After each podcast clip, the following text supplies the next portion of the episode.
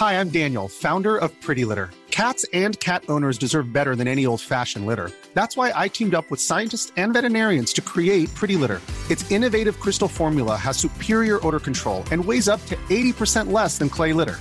Pretty Litter even monitors health by changing colors to help detect early signs of potential illness. It's the world's smartest kitty litter. Go to prettylitter.com and use code ACAST for 20% off your first order and a free cat toy. Terms and conditions apply. See site for details. Planning for your next trip? Elevate your travel style with Quince. Quince has all the jet setting essentials you'll want for your next getaway, like European linen, premium luggage options, buttery soft Italian leather bags, and so much more. And is all priced at 50 to 80% less than similar brands. Plus, Quince only works with factories that use safe and ethical manufacturing practices.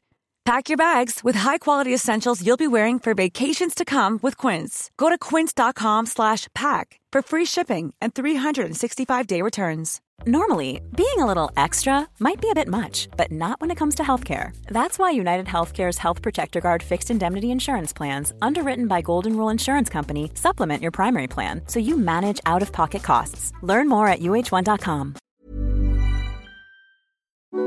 I can discuss some of the psychological aspects of the case. You've got to get a hold of yourself. Now look here, Johnson, I'm going to get to the bottom of this.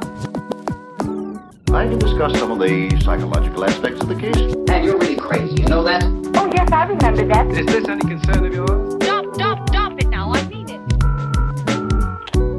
Ja, hei, det er psykolog Sondre Livre her. Diagnosen er dessverre svært alvorlig. Det viser seg at alt du tenker og føler er feil. Du må for all del ikke stole på hjernen din, den lyver.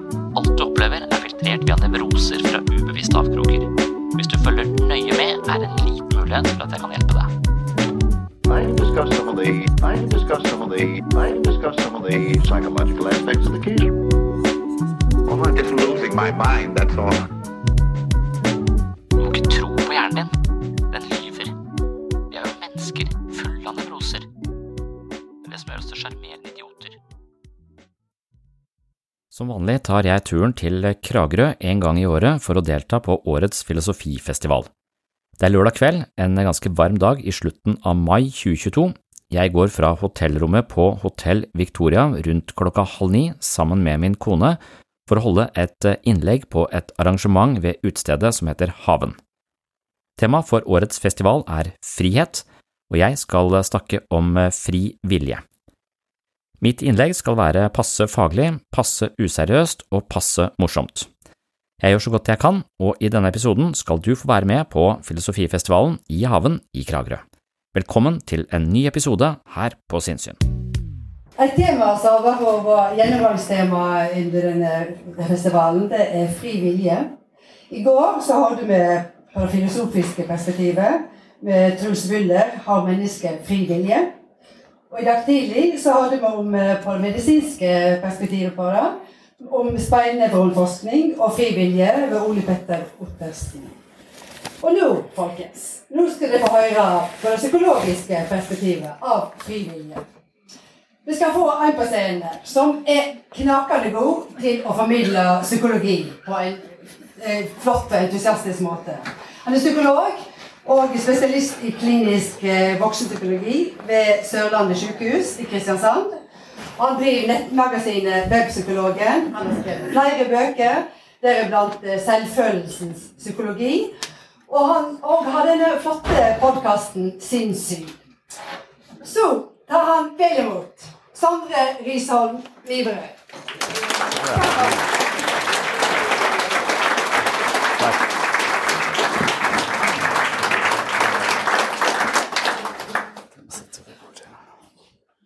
Ja, som vanlig ganske svett, men eh, Det er ikke så lenge siden jeg var her og snakka om eh, tid. Det kunne jeg ingenting om. Jeg hadde lest tre bøker som jeg ikke forsto. Jeg har lest flere bøker om fri vilje, men jeg forstår ingen av dem heller. Så eh, litt tynt grunnlag for å snakke om fri vilje, egentlig. Men eh, til forskjell fra tid, da, så opplever jeg litt at jeg jobber med fri vilje. Jeg har en fornemmelse av å jobbe med fri vilje til daglig som eh, terapeut. Og jeg møter ganske mange mennesker, for jeg har en sånn rolle hvor jeg vurderer litt hva slags behandling jeg tenker folk eh, trenger. Så da møter jeg nye mennesker, og så forteller de meg hva de sliter med. Og det jeg tenkte på når jeg skulle snakke om fri vilje, det var en dame som jeg traff for eh, ja, noen uker siden. Så kom hun inn på kontoret mitt, og så satte hun seg ned og så sa hun, 'Jeg er redd for å dø'. Og så sa jeg det er jeg òg. Det, det, er alle, det. det Bortsett fra noen andre her som har lyst til å dø. De, de sitter i en annen avdeling. De er lagt inn der, der oppe. Det er veldig stor forskjell på, på, oss. Men noen av de er egentlig redd for å dø, men så er de så redd for at de orker ikke mer, så de prøver å komme døden i forkjøpet ved å ta sitt eget liv. Så nå vinner et eller annet stikk. Jeg vet ikke hva slags logikk de opererer etter. Men uh, hvis du er redd for å dø, så er du i godt selskap, i hvert fall. Men så, så sier hun ja, men problemet er at uh, du sier du er redd for å dø, men du er jo ikke overvektig. Det er jeg. Og jeg, ja, begynner å bli litt rund uh, og drikker nok litt for, uh, for mye øl. Men, men hun sa jeg er redd for å dø, men jeg står opp hver natt og spiser. Og så spiser du på natta? sa jeg. Ja. Ja, istedenfor på dagen? Nei, på dagen også. Du spiser både på natta og på dagen? Ja. Så jeg er ganske sikker på at jeg kommer til å pådra meg noen livsstilssykdommer, uh, få diabetes type 2 som en start og gå inn for en altfor tidlig død fordi jeg spiser om natta. Så det er mitt uh, problem. Og da, det, hva, hva, tenker du jeg skal gjøre med det, da? Ja, du er jo psykolog. Ja, skal jeg sitte skal jeg sitte vakt ved kjøleskapet om natta? Hva, hva, er, eh, hva er ideen din? Hva tenker du jeg skal hjelpe deg med? For jeg skal være helt ærlig med deg, Hvis jeg blir sittende foran et kjøleskap om natta, så tror jeg jammen jeg kommer til å begynne å spise også. Jeg unngår å spise om natta jeg er ved å sove isteden. Det er min strategi. Og så unngår jeg overvekt ved å ikke ha meg niste eller glemmer å smøre niste på jobb. Så jeg spiser egentlig ikke før klokka fire. Da spiser jeg noe jævlig.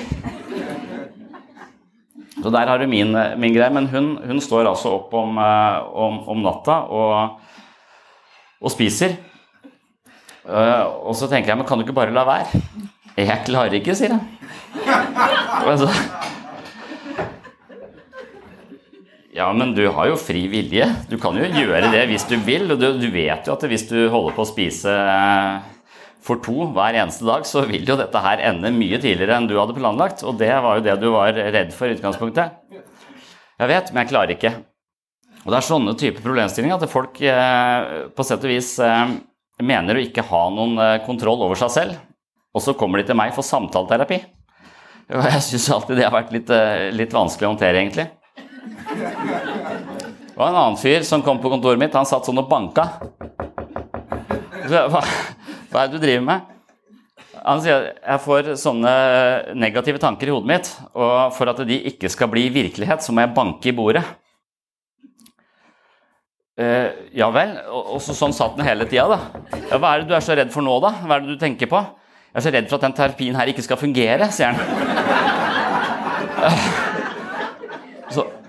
du har ikke veldig tiltro til meg? Nei, egentlig ikke. Jeg har ikke tiltro til noen psykologer. Satt som og banka. Men hva skjer hvis du ikke dunker, da? Det veit jeg ikke, aldri prøvd. så, så han holdt på. Vi skal, I dette tilfellet her så tror jeg at det, det, det motsatte er tilfellet. Altså hvis du fortsetter å dunke på den måten, her sånn, så klikker det for meg òg. Og da, da, kommer ikke dette til å funke. Så her tror jeg det er motsatt. Så du må slutte med den, med den eh, dunkinga di. Og det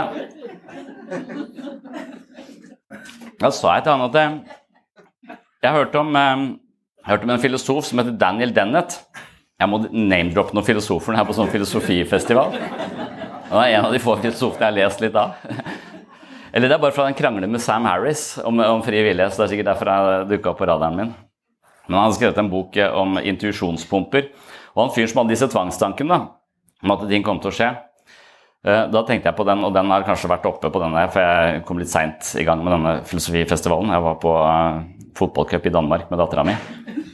Jeg er trener, så jeg er egentlig kjempesliten jeg, jeg, det er så skadelig for meg å være Det er så mye dumme dommere. Eh, og jeg forstår Så, Så jeg driver og henter, prøver å hente meg inn enda. Men Daniel Dennett han, han, jo, han har en sånn bok om intuisjonspumper. Uh, og det tenkte jeg var relevant for han fyren som satt med de og dunka i bordet. For han uh, skriver om en chip som du kan få installert i huet ditt, som stopper tvangstankene. Det er ganske uh, lukrativt da, når du sliter med masse tvangstanker. Så historien går sånn at det er en, det er en fyr da, på, Jeg vet ikke om dette er i USA de driver med denne chipen, for han, pasienten jeg hadde, var veldig interessert i den chipen. Men jeg tror ikke helt han forsto poenget med historien. Men historien går jo sånn at det, er en pasient med masse tvangstanker som kommer inn til en lege og sier jeg, jeg sliter med masse tvang, må sjekke dører 150 ganger, banke i bordet hvis jeg tror negative ting kommer til å skje. Men, også sier legen, men vi har fått en ny chip som du kan få installert inn i hodet ditt, og det vil dempe alle tvangstankene dine. Og så får han installert denne chipen i, i hodet eh, gjennom en operasjon, da, sannsynligvis, forestiller jeg meg. Og så våkner han, og så er det helt stille i hodet mitt. Ingen tvangstanker. Fantastisk. Og så, uh, idet han da takker legen og så sier farvel, skal til å gå ut av kontoret, og sier legen men uh, nå uh, er det vi her på sykehuset som styrer alle avgjørelsene dine. Men det trenger du ikke å tenke på, for eh, det kommer ikke du til å oppleve noe særlig av. Du opplever at det er du som tar avgjørelsene dine, men egentlig så er det oss via den skipen. Men ikke tenk på det. Lykke til videre. Og når han da kommer ned på parkeringsplassen, så, så ser han at eh, bussen har akkurat gått. Og rett foran fødeavdelingen der så er det masse biler som har parkert ulovlig med nøkkelen i, for de er ganske travle. Og der står det da veldig fristende en bil som han eh, tenker ja, da tar jeg vel den, da siden det ikke er jeg som styrer alle avgjørelsene mine. Så han tar den bilen, og så kjører han, eh, kjører han hjem. Og sånn fortsetter han. Og da ender jo det i en domstol hvor han er eh, anklaget for en hel haug av uh, småkriminalitet. Uh, og da kaller han inn denne legen som vitne, da. For jo, det er jo legen sitt ansvar, alt det han har, har gjort. Så han sier til til, til dommerne at det er, det er, den legen fra sykehuset som eh, styrer alle mine avgjørelser, så jeg kan ikke stå til ansvar for dette her. Og da svarer denne legen at jeg bare kødda. Eh, jeg trodde ikke han, han, trodde på det. Det var bare en spøk. Det er noe vi sier til alle, bare for moro. Men eh, det, det pensler inn på noe annet. Altså, hva vi tror om frivillige, spiller jo en ganske stor rolle. Altså om vi tror vi har frivillige eller ikke.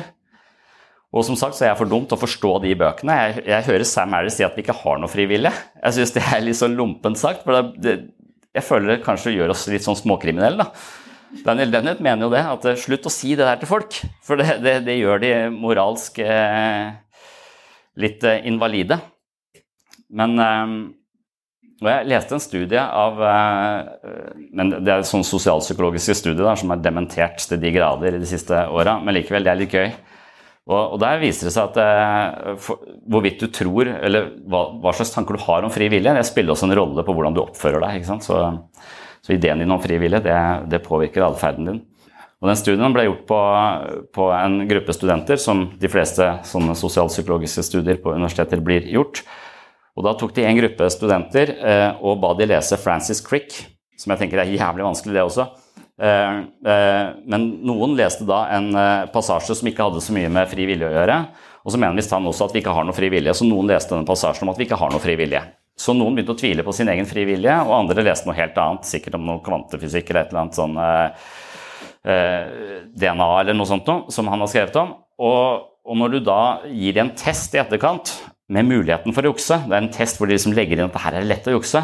Så er det den gruppa som tror de ikke har noe fri vilje, som jukser litt mer enn den gruppa som fortsatt har sin frie vilje i, i, i god behold. Så det gjør oss jo litt eh, eh, Ja. Vi er mer tilbøyelige til å jukse, muligens. Vi, eh, så hva vi tror om frivillige, det spiller en rolle. Så nå håper jeg at alle dere som har vært på denne festivalen her, da har klokketro på at dere har eh, fri vilje og har ansvar for deres egne handlinger. Eh, drikker man nok, så har man, har man ikke mer ansvar.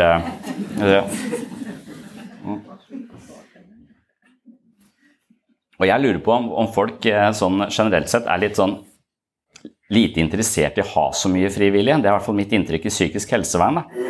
Det er som om folk hele tiden søker mot uh, forklaringer som fritar de for en del ansvar for det de har gjort. Særlig når det gjelder uh, ADHD. Uh, det er det er veldig populært for tida.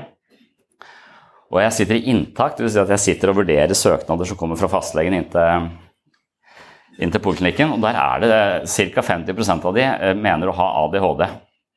Altså oppmerksomhetsproblematikk. Og der er det masse rare begrunnelser for hvorfor de har det. Der, nå refererer jeg egentlig bare fra de to siste fredagene jeg har sittet i, eh, i inntak. Der, der er det en dame som mener hun har ADHD fordi hun driver med skippertak, så hun leser ikke på prøven før den siste uka. Og så tenker jeg, fy faen, hva slags klasse er det du går i, liksom? Er ikke det, er ikke, jeg husker når, jeg vokste opp, så var det tre stykker som leste gjennom hele året. Resten hadde jo skippertaksmetoden. Nå er det de tre nerdene som har blitt standarden for alt. Og hvis du ikke følger opp det, så, du, så, så trenger du en diagnose. Var, eh, Den avviste jeg. Og så er det veldig Det var en, en fyr som eh, syntes det var vanskelig å holde kontakt med venner i andre byer. Kan det være ADHD? Faen, jeg syns det er vanskelig å holde kontakt med kona mi. Hun sitter der borte. Vi bor under samme tak. Vi har tre barn, da. Det er det som forstyrrer kommunikasjonen. Så er det veldig mange som mener de har ADHD, for de syns det er vanskelig å konsentrere seg om kjedelige ting. Da har du misforstått ordet 'kjedelig'. Hvis du syns det er lett å konsentrere deg om kjedelige ting, da er du rar, da. Da må du ha uh, behandling. Men jeg ble sittende med en dame da, som eh, på en eller annen måte sneik seg gjennom eh, inntaksteamet her kom inn. Og hun mente kanskje at hun hadde ADHD, for hun var så frekk mot kollegaer. Og så, så, er du frekk mot kollegaene dine. Ja, det hender jeg skjeller dem ut etter noter. og så sier jeg sånn kan du ikke oppføre deg. Nei, men det er ikke meg. Det er hjernen min det er noe galt med. Men er ikke du hjernen din, da? Så, og da ble vi egentlig bare sittende sånn og stirre på hverandre. Og så, er jeg hjernen min? Er du hjernen? Og så skjønte vi begge to på det var sånn filosofisk dypt vann som ingen av oss forsto noe av. Vi hadde beveget oss langt ut for hva vi klarte å forholde oss til. Så vi måtte bare gi oss der. Vi skjønte at det blei komplisert. Jeg så, jeg så, på vei hit i dag, så så jeg den der, for jeg tenkte på frivillig, han Carl Pilkington, eh, som var sammen med Ricky Garvey eller Carl Pinkerton var jo egentlig som mobbeoffer for Ricky Garvey. Ricky Garvey fant en fyr som tenker annerledes enn alle andre, og så tok han han inn i en sånn radioshow. Jeg tror det var der han, eh, der han begynte. Og Carl Pilkington har en sånn det greie med at han, lurer, han, han, stiller sånne spørsmål. Han lurer på er det jeg som styrer hjernen min, eller er det hjernen min som styrer meg? Lurer han på. Og da sier Ricky det er ikke noe forskjell på deg og hjernen din. Du er hjernen din. Nei, nei. For her om dagen så skulle jeg kjøpe noe, noe greier på butikken, og da var jeg. Da hadde jeg tenkt å ha bananer, bønner og melk. Så skrev jeg det ned. Det var meg. Men så putta jeg lappen i lomma, og så gikk jeg ut og så begynte jeg å tenke på skal jeg ha hansker eller ikke hansker, for det er ganske kaldt ute. Og så kan du begynne å regne skal jeg ha med paraply. Og plutselig så sa hjernen min men du må ha løk. Og det var ikke meg. Å oh, nei. Så det er en sånn metahjerne som snakker til din hjerne om hva du trenger på butikken. Det funker ikke sånn, mener Ricky Garvey. Sånn dualistisk er vi ikke. Så du er hjernen din. Han fikk ganske klar beskjed om det. Så Jeg leste også en studie fra eh, Edvard Jones og Victor Harris fra 1967. Det var sikkert eh, der, der, mener han at folk forklarer egen atferd basert på omstendigheter, mens andre, andres atferd basert på karakter og personlighet. Så Det er jo litt, eh, litt, vanlig for oss. og Det har jo egentlig med fri vilje og det, vi gjør det også. Altså er jeg, eh, hvis jeg er for sein, så er det jo fordi at eh, barna ikke står opp, eller naboen har parkert sånn at det er vanskelig å komme ut i garasjen. Men hvis overlegen er for sein, så er det fordi han er arrogant. Sånn, sånn, tenker jeg ofte på jobb, i hvert fall. Så det, er litt sånn, det handler jo om hvor mye ansvar vi tilskriver den enkelte. Altså, jeg har ikke noe ansvar for min forsenkomming, men det har, det har eventuelt overlegen. Så, ja. Og, og jeg, jeg, lurer litt på om, om, vi mennesker leiter litt etter eh, diagnoser som lukter litt av sånn eh, biologisk determinisme, så det ikke er oss det er noe det er ikke vi som har ansvaret for oppførselen vår. Det er eh, rett og slett hjernen vår som er skrudd sammen på en sånn måte at eh, Og vi kan da dypest sett ikke stå til ansvar eh, for det. Og, og jeg sa til hun, hun dama med kjøleskapet, da, Berit tror jeg hun het Jeg sa at kan ikke du bare ikke spise om natta, da? Og så kan du ikke begynne å trene og unngå for å unngå en for tidlig død og livsstilssykdommer, kan du ikke bare bruke din sunne fornuft? Du vet jo at du ikke vil dø for tidlig, og hva du skal gjøre for ikke, for ikke dø for tidlig. Og da sa han jeg vil at jeg bare skal være en sånn eh, robot da, som gjør det riktig og gjør alt eh, perfekt eh, hele tiden. Så være et sånn rasjonelt eh, menneske. Men er ikke det det motsatte av å være en robot? Er det ikke en robot nå, for nå, gjør, nå er kroppen din gjør jo alt det du ikke vil at den skal gjøre. Det er som om du er forhåndsprogrammert til å spise på natta, selv om du ikke vil det. Så er ikke det å egentlig overta styringa, være rasjonell og gjøre de tingene som du mener er riktig for deg. Og da fikk vi også litt å, litt å tenke på begge, eh, begge, to, for ingen av oss hadde noe særlig god impulskontroll. Eh, eh, jeg hva angår alkohol, hun hva angår mat, så vi satt litt i samme båt her begge to og stussa på dette her. Kan vi ta mer ansvar? Litt usikker. Og jeg har brukt den, det argumentet der flere ganger. Jeg prøver å fraskrive meg ansvar for mine egne handlinger ved å påstå at jeg ikke har noe særlig grad av fri vilje. Men jeg pleier ikke å skylde på hjernen min. Eh, jeg pleier å skylde på parasitter. Eh, for jeg syns det, eh, det, virker mer troverdig. For jeg er litt mer sånn at jeg tror jeg er hjernen min, så jeg kan ikke skylde, skylde på den. Men spesielt en gang, det tror jeg jeg snakket om på Filosofifestivalen før, men, men det var når jeg kjørte sønnen min. Da var han fire år, nå er han ni. Eh, på, skulle han opp på sånn eh, vannski. Det klarte han ikke. Da gikk han rett i bakken. Så tenkte jeg knebrett, det funker. Så da har vi en ganske rask båt da, med sånt eh, knebrett. Og som fireåring så klarte jeg å plassere han oppå der. Han hadde jo ingen fryktresponser.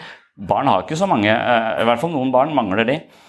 Og, og så satte jeg på han der, ga bånn gass utover.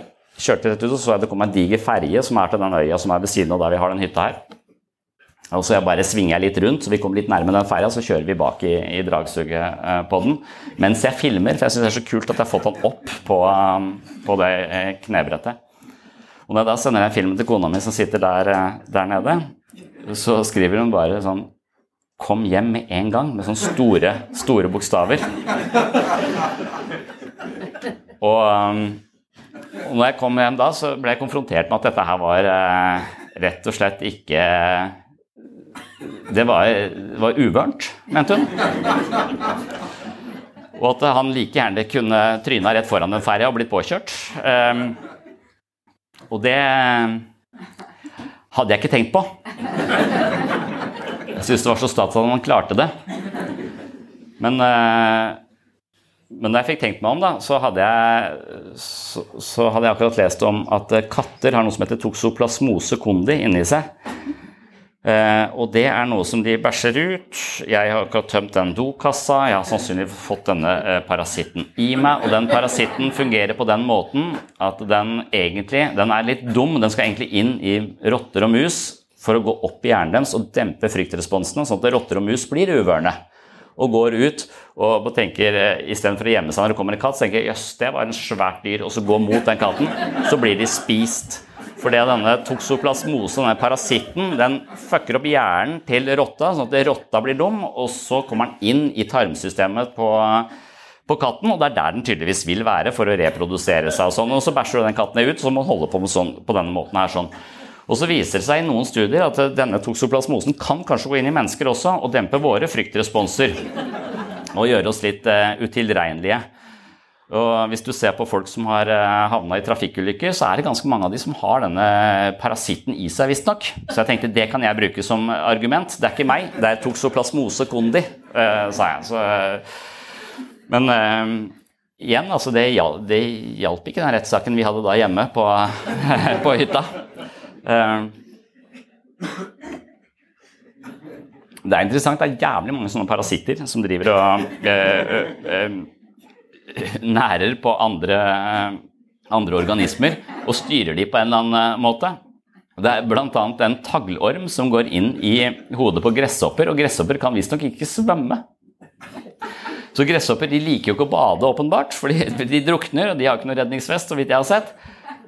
Så, men, men, denne taglormen den, den, skal eh, på en eller annen måte ut inn i fisken, da, i tarmsystemet til fisken, så den trenger å komme ut i havet, men den kryper inn i magen på, på gresshoppa. Så går den opp, skiller ut noen proteiner oppi eh, hjernen, hvis gresshoppa har en hjerne, sånn at gresshoppa får veldig lyst til å bade. Og hvordan er den samtalen med Timmy da, når Timmy er på vei ned til, eh, til vannet? Se, hvor skal du? Skal ned og bade. Vi bader ikke. Vi drukner. Slutt med det. Men så, nei, jeg tror, det tror jeg er en myte. Vi, eh, vi, det er noe folk tror. Det har kanskje vært forfriskende med et bad. Så går da Timmy ned og hopper, eh, og hopper ut i vannet og blir da mat for eh, Et eller annet sted i Japan så 80 av det fisken spiste, var suicidale gresshopper. Hvordan vet jeg om ikke jeg har sånne, sånne taglormer inni hodet mitt som styrer all atferden min? Det vet man jo strengt talt ikke, altså. Og i hvert fall skal du prøve å bruke det som argument. Jeg prøvde å bruke det som argument mot politiet når jeg fikk fartsbot. Eh, toksoplasmose inni her. Klarer ikke forholde meg til fartsgrenser. Fikk bot på 3000 likevel. Det holder ikke. Så og jeg mener jo å møte en del sånne mennesker da, som, som, opererer egentlig litt som sånne suicidale gresshopper. De gjør de samme tinga hele tiden, gang på gang i livet sitt. Så skjer den samme feilen gang på gang på gang på gang. på gang. Så det virker som om vi er mer eller mindre programmert på et eller annet ubevisst nivå, som har et eller annet operativsystem som gjør vi, vi følger og oppfører oss i takt med de erfaringene vi, vi har. Og det er kanskje det som er eh, psykisk lidelse, å mangle denne frie viljen til å bryte det mønsteret som, eh, som, vi har med oss fra tidligere erfaringer. Og noen har jo med seg ganske ræva erfaringer. Og hvis du da har et eller annet sånn relasjonelt mønster på å prøve å avvise andre for ikke å komme for nær, for så å bli skuffa, så, så, har du en eller annen sånn mal som du tydeligvis gjentar og gjentar og gjentar i livet ditt. Og det fungerte som en beskyttelse når du vokste opp, men nå fungerer det mer som en måte å bli veldig ensom og deprimert eh, på. Og Sånn fungerer eh, mange av de menneskene jeg møter. Altså de har operativsystemer som er mer eller mindre feiljustert, og de tolker data på en ganske sånn eh, nedslående måte. Og det å da få tilgang til de kildekodene, det er det psykologen prøver å eh, jobbe med. Og det er ikke alltid så lett, altså. How would you like to look five years younger? In a clinical study, people that had volume added with Juvederm Voluma XC in the cheeks perceived themselves as looking five years younger at six months after treatment. Look younger, feel like you. Add volume for lift and contour in the cheeks with Juvederm Voluma XC. Reverse signs of aging by adding volume to smooth laugh lines with Juvederm Volure XC. For important safety information and to find a licensed specialist, visit juvederm.com. That's J U V E D E R M.com. Not for people with severe allergic reactions, allergies to lidocaine, or the proteins used in Juvederm. Common side effects include injection site redness, swelling, pain, tenderness, firmness, lumps, bumps, bruising, discoloration, or itching. There's a risk of unintentional injection into a blood vessel, which can cause vision abnormalities, blindness, stroke, temporary scabs, or scarring. Talk to a licensed specialist to find out if it's right for you. Burrow is a furniture company known for timeless design and thoughtful construction, and free shipping, and that extends to their outdoor collection. Their outdoor furniture is built to withstand the elements, featuring rust-proof stainless steel hardware, weather-ready teak, and quick-dry foam cushions. For Memorial Day, get 15% off your Burrow purchase at burrow.com slash ACAST and up to 25% off outdoor. That's up to 25% off outdoor furniture at burrow.com slash ACAST.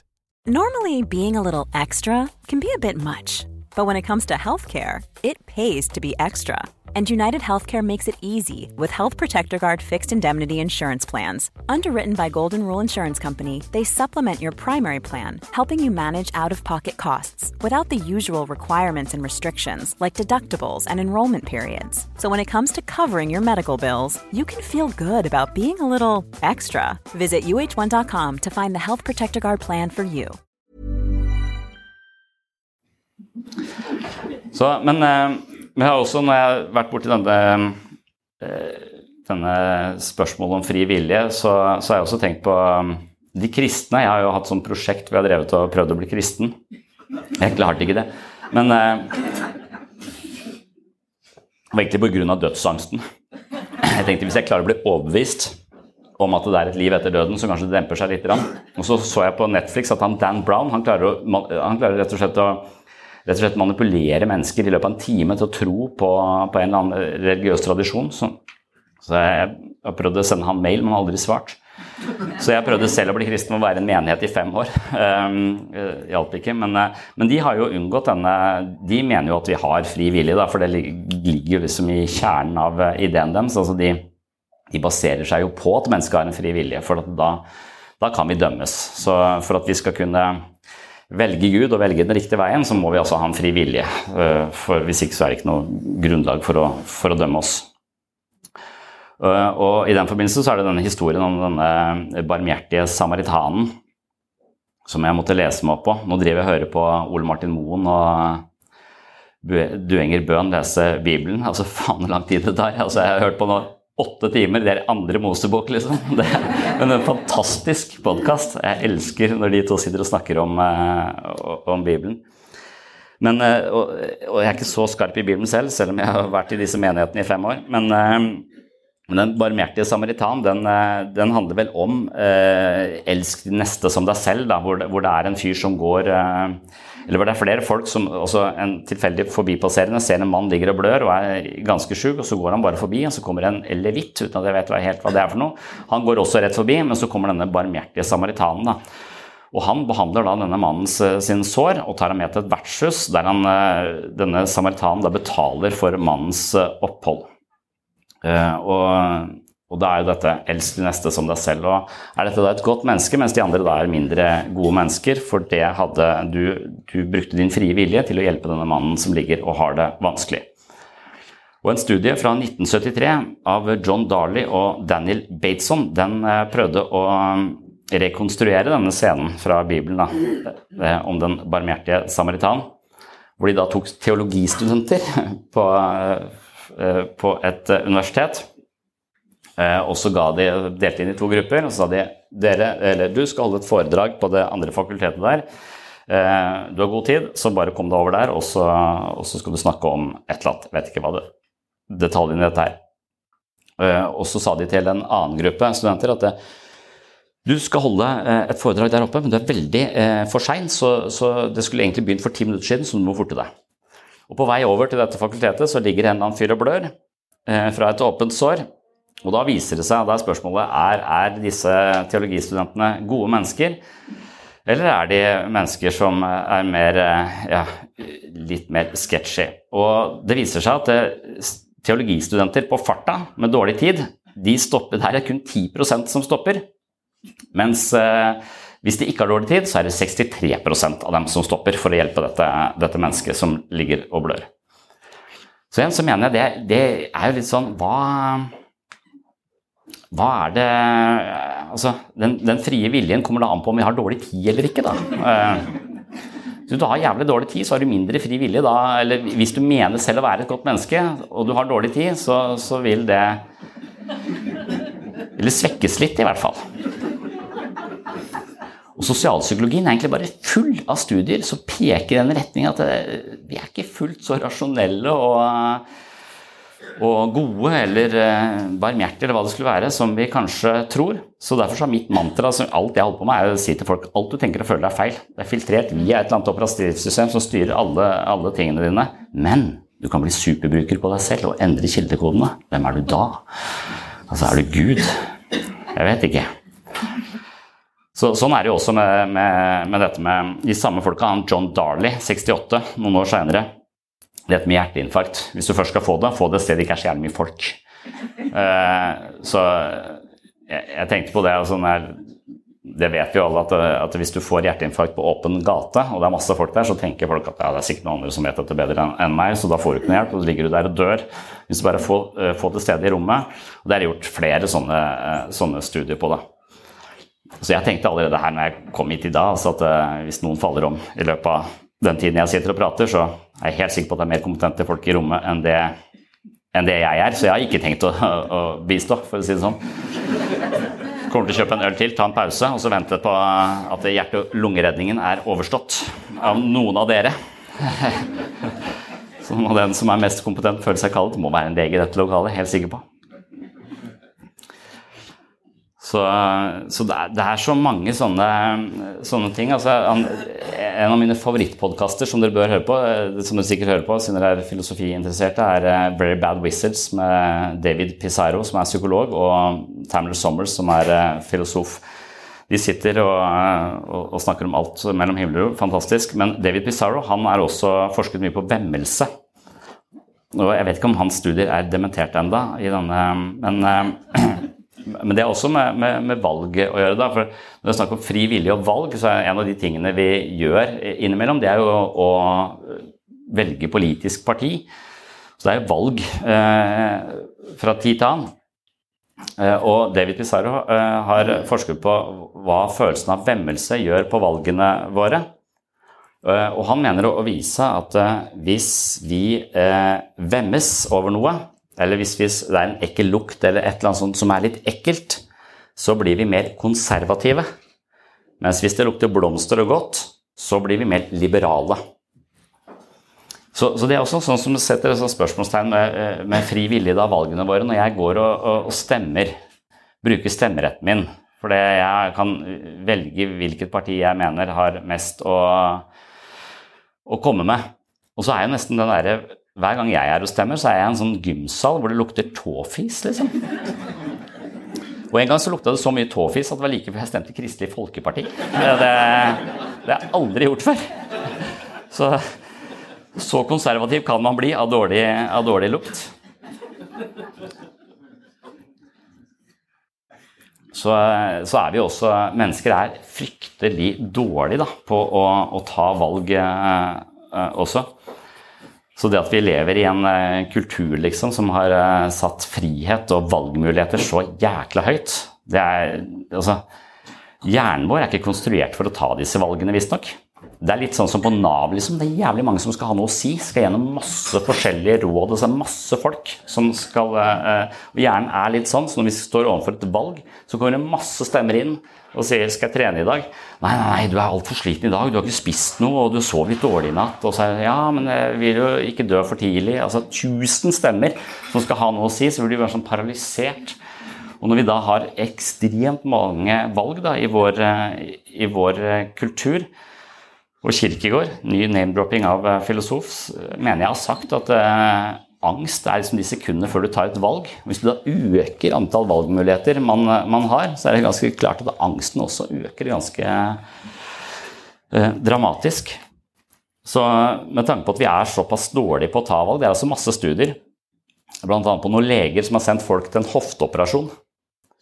Eh, og, og, så, og, så, får de da beskjed om at eh, vet du hva, det er en medisin du kan prøve som, eh, som, kan fungere på den typen problematikk. Eh, og da spørsmålet vil du da kalle pasienten tilbake fra den operasjonen. For en operasjon det er jo ganske det er en del risiko forbundet med det også, dyrt osv. Og, og hvis du da får vite at det er én medisin, så kaller legene tilbake denne pasienten fra, fra operasjon, sånn at det ikke blir en operasjon. De tester den medisinen først.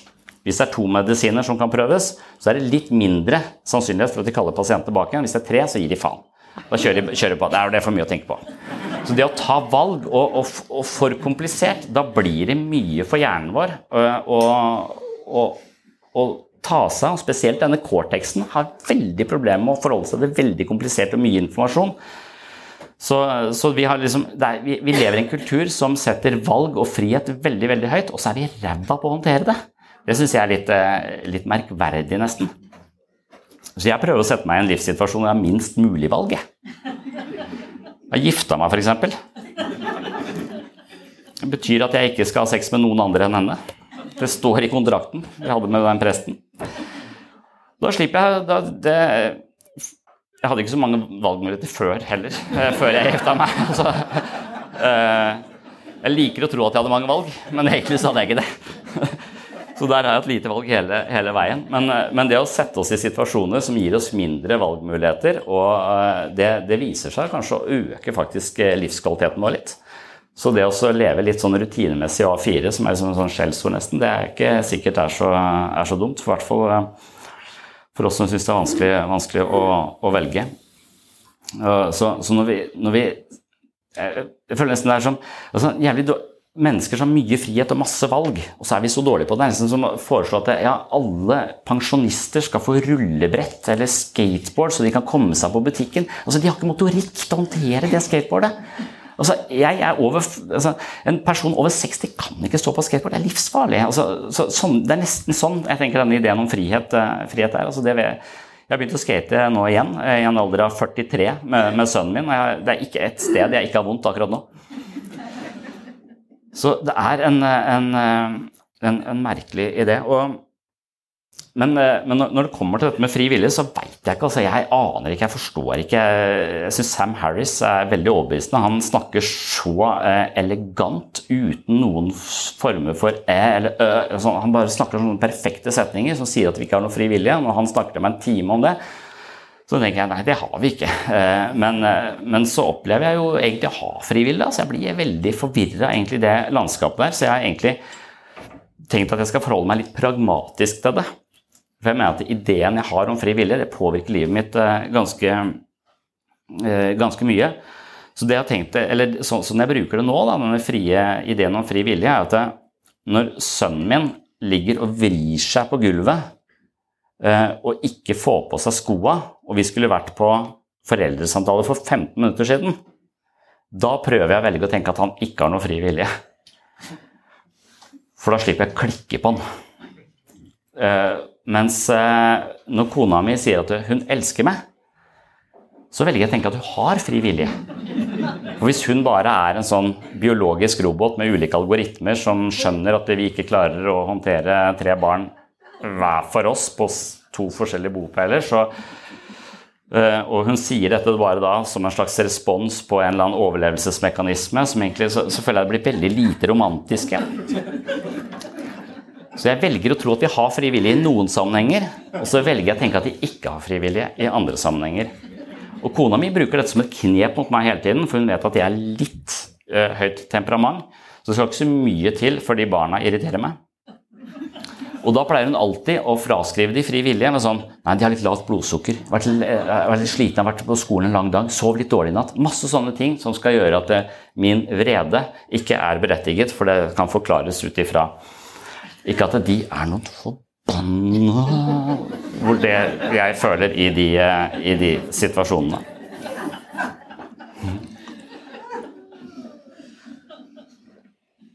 Så der dyrker jeg en form for kognitiv dissonans. Det mener psykologer egentlig at det ikke er så særlig bra for oss. Vi blir litt sånn krever mye energi av oss, men jeg tenker at det er helt greit. Jeg tenker litt forskjellig om eh, Jeg føler nesten det er en slags life hack og tenke litt forskjellig om, eh, om fri, fri, vilje på en konstruktiv eh, måte.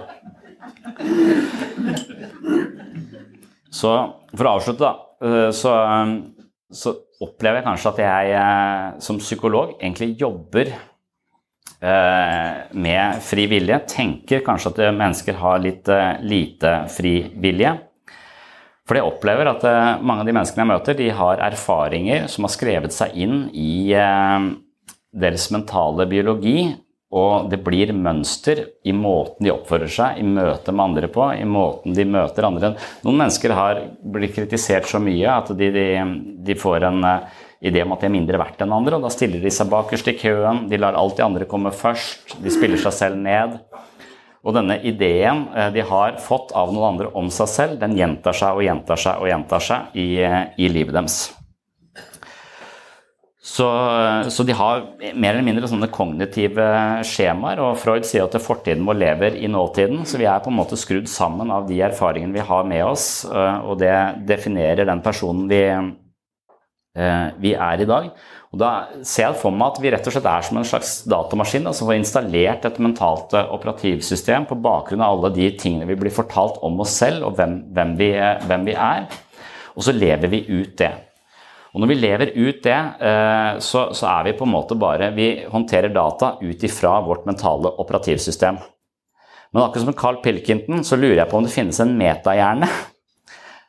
Metakognisjon tenke på sin egen tankegang, og jeg tror det er det psykologer stort sett driver med. Vi prøver å på en måte påkalle et eller annet metaperspektiv hvor du ikke er fanget av operativsystemet ditt, fanget av følelsen din, fanget av tanken din, men du er en slags observatørposisjon til nettopp den tanken. Og det er liksom essensen i psykoterapi. Og vi driver vel ofte og analyserer oss selv, og det er da jeg lurer på om eh, Vesten har denne psykoanalysen hvor vi, hvor vi tar en del av vår egen måte å tenke på og gjør den til eh, en eller annen superbruker på oss selv. Superbruker det er sånne som kan justere kildekodene i selve programmet. på en måte. Vanlige brukere de kan bare bruke programmet. Superbrukere de har en eller annen sånn spesialtilgang. I hvert fall er det sånn i matbestillingsprogrammet på jobben. Jeg er ikke superbruker, så jeg kan bare bestille én type pålegg. Eh, mens Egil han kan bestille mange typer pålegg, fordi han er superbruker. Så jeg lurer på om vi er nødt til å bli superbruker på, eh, på vårt, eh, i, i vårt eget operativsystem. Og når vi da ut ifra den vestlige psykologien bare bruker én måte å tenke på for å tenke på vår egen tankegang, så lurer jeg på om vi egentlig bare spinner i en eller annen loop der nede, hvor vi egentlig bruker en sånn et eller annet korrupt operativsystem som har blitt fortalt hvordan vi skal tenke, for å tenke om oss selv, så at vi egentlig bare kjører i loop. Og Det er der den østlige tradisjonen kommer mer inn, som sier at du skal ikke analysere noe som helst, du skal bare hvile som en nøytral observatør. Du skal bare se det som kommer og går i din egen bevissthet. Og da på en måte tapper du inn i en eller annen form for superbruker. Men med en gang du begynner å vurdere det som skjer, du gir, dømmer det som foregår inni huet ditt, på en eller annen måte, så er du fanget tilbake i operativsystemet ditt og, og går i denne loopen. Så meditasjon har blitt ganske viktig for meg. Mindfulness har blitt ganske viktig for meg, også i behandling av pasienter. For det jeg mener at det er på en måte access til superbruker på oss selv. Så hvile som en nøytral observatør av det operativsystemet ditt finner ut av, det hjernen din begynner å De tankene som kommer og, eh, og går, og vite at dette er en posisjon i, i, deg selv. Men med en gang du begynner å analysere det og dømme det, så er du tilbake i livets kjas og mas. Så det å være i superbrukermodus, det er ganske avansert, og det er ganske vanskelig. Men jeg tror også det er en mulighet som vi bør ha litt fokus på å trene opp. For jeg tror veldig mange av oss eh, er fanget i eh, operativsystemet vårt og gjentar fortidens stammer gang på gang på gang. på gang. I tillegg så er dette operativsystemet fullt av virus. Og det viruset er da installert av folk som jobber i Silicon Valley, som får betalt for å eh, påvirke denne forbanna oppmerksomheten vår, sånn at vi egentlig jobber gratis sånn at, ved å gi dem vår oppmerksomhet fordi at vi på en eller annen måte har en eller annen uh, fetisj på kattevideoer, og, eller hva det er de viser oss, så stjeler de, så har vi null frivillig i dette operativsystemet. Så det koble tilbake i en slags ja, Meditasjon er kanskje den eneste strategien jeg har funnet. da, En slags metaperspektiv på seg selv. Eller sopp. Uh, som også blir et voldsomt metaperspektiv uh, på seg selv, som er et alternativ snakket mye med Ole Martin Moen om uh, akkurat det, og han uh, er forholdsvis positiv til ideen. Uh, men for da tror jeg du kommer ut i en super-superbruker. og det kan jo være ganske greit hvis du er fanga i et ganske trangt operativsystem. Men da er spørsmålet kanskje fri vilje ligger i denne muligheten vi har til å hvile som en slags observatør til hjernen vår. Men hvem er dette? Er dette absolutt bevissthet? Er det Buddhas sanne natur? Eller er det rett og slett bare superbruker, som, eh, som jeg kaller det, metakognisjon? Og det tror jeg var det jeg ville si om eh, psykologiske perspektivet på fri vilje for denne gang.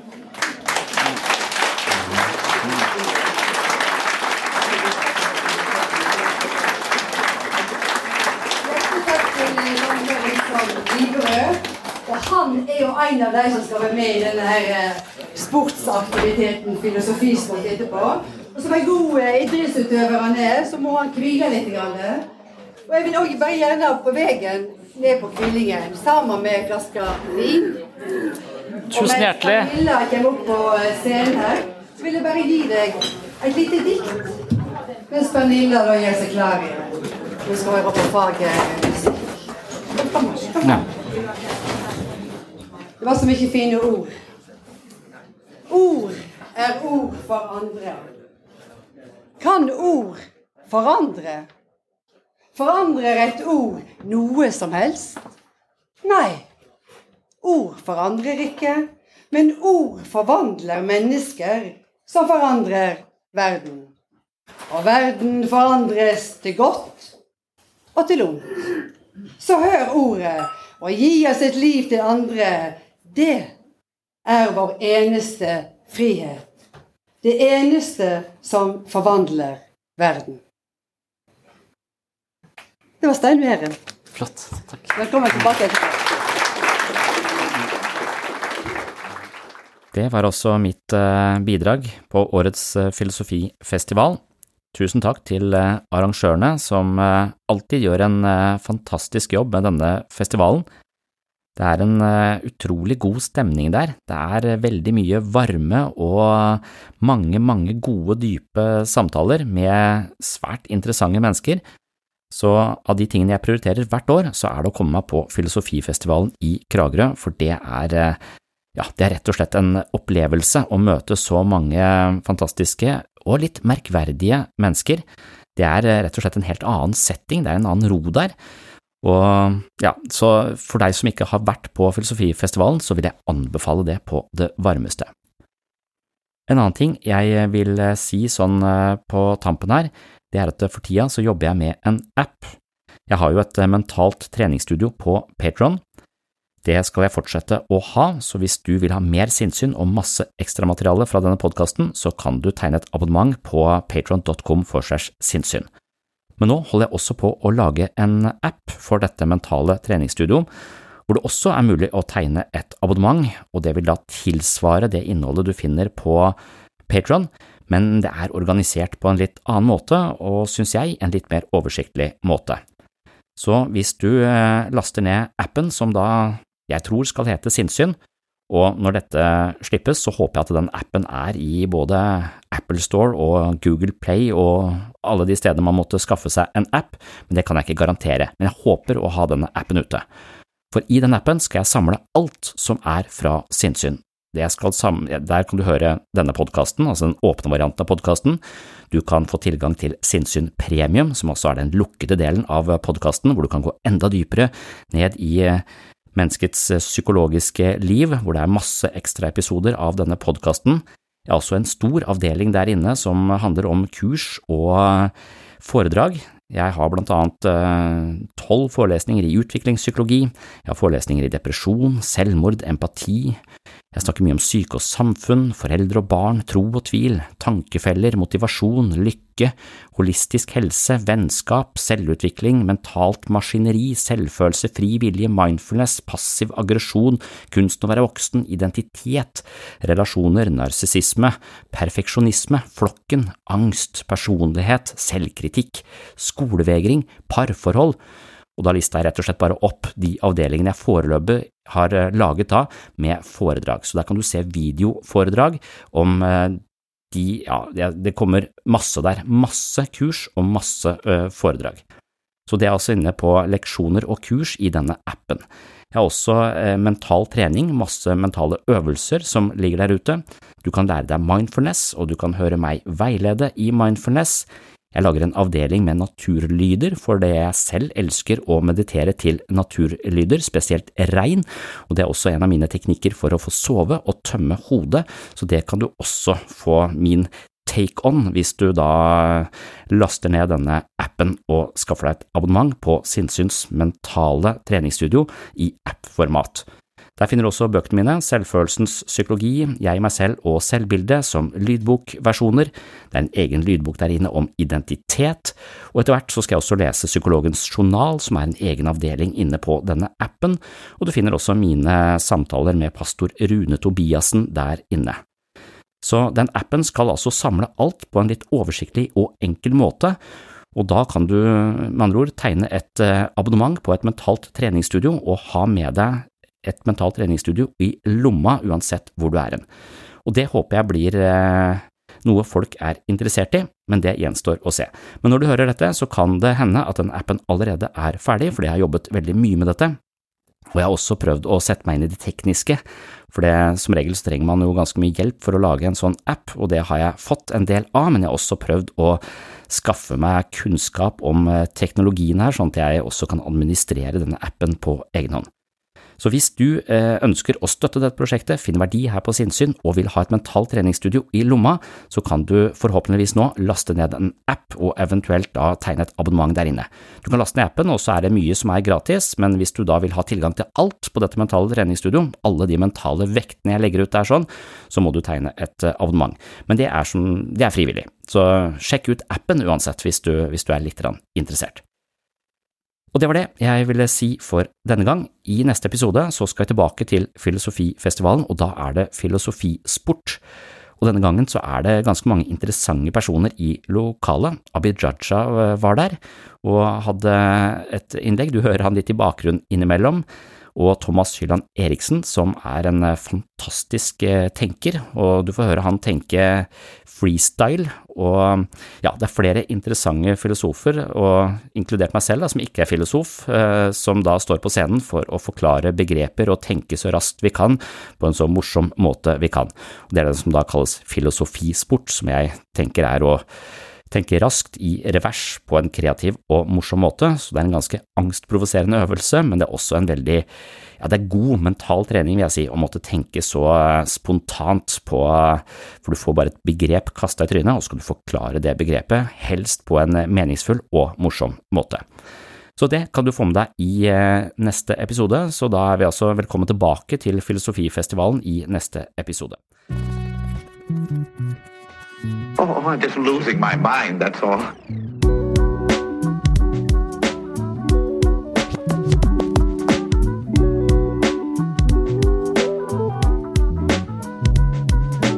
I can discuss some of the I can discuss some of the I can discuss some of the psychological aspects of the case. Psycho, psycho, psychological aspects